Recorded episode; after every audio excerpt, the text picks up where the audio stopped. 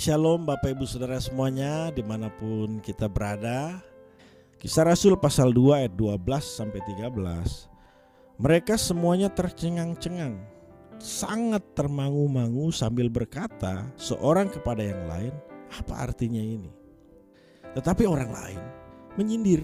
Mereka sedang mabuk oleh anggur. Di ayat 14 nya Maka bangkitlah Petrus Berdiri dengan kesebelas rasul itu dan dengan suara nyaring ia berkata kepada mereka, "Hai kamu orang Yahudi dan kamu semua yang tinggal di Yerusalem, ketahuilah dan camkanlah perkataanku ini. Orang-orang ini gak mabuk seperti yang kamu sangka." Lalu di ayat 16 dia berkhotbah. Ketika mereka mendengar hal itu, hati mereka sangat terharu. Lalu mereka bertanya kepada Rasul Petrus dan Rasul lain. Apa yang harus kami perbuat?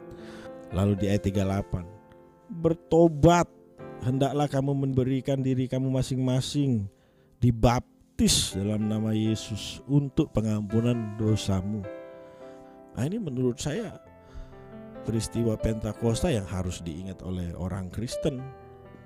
Jangan hanya yang dibahas mengenai manifestasi atau karunia-karunia Roh Kudus, Memang hal itu penting, tapi ada yang lebih penting ternyata di hari yang sama itu, Bapak Ibu, dalam peristiwa yang sama itu, di mana ada orang-orang yang menghina, yang mempertanyakan para rasul.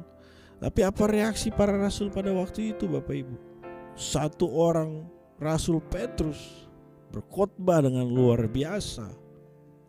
Jadi hal yang ingin saya tekankan atau bahas Bapak Ibu adalah bahwa Roh Kuduslah yang menolong Rasul Petrus hari itu untuk berkhotbah dengan berapi-api, memberitakan Injil, semangat.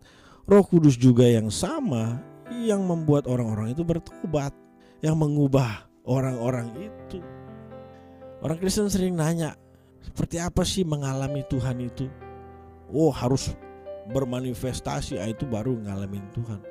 Ngalamin mujizat, sakit sembuh, ah itu mengalami Tuhan saya tidak menyangkal hal-hal itu adalah mengalami Tuhan. Tapi apa hanya sebatas itu mengalami Tuhan Bapak Ibu? Percayakah kita peran Roh Kudus dalam diri kita yang bisa mengubah diri kita? Sangat bisa. Mau dari latar belakang seperti apa, di usia berapa, Roh Kudus sanggup mengubah kita. Nah, pertanyaannya Bapak Ibu, ketika Roh Kudus mau mengubahkan hidup kita atau kehidupan seorang, orang itu buka ruang nggak untuk Roh Kudus? Orang itu memberikan satu space nggak untuk Roh Kudus bekerja? Jangan lupa Bapak Ibu Saudara di hari raya Pentakosta ada orang-orang yang tadinya ya tidak baik sebutlah seperti itu. Tapi orang-orang itu membuka hatinya mempersilahkan Roh Kudus bekerja, mengubah hidup mereka. Mereka nggak hanya berubah hari itu, terus sampai mereka mati menjadi pengikut Kristus yang setia. Orang-orang yang dibentuk jadi murid punya karakter seperti Kristus.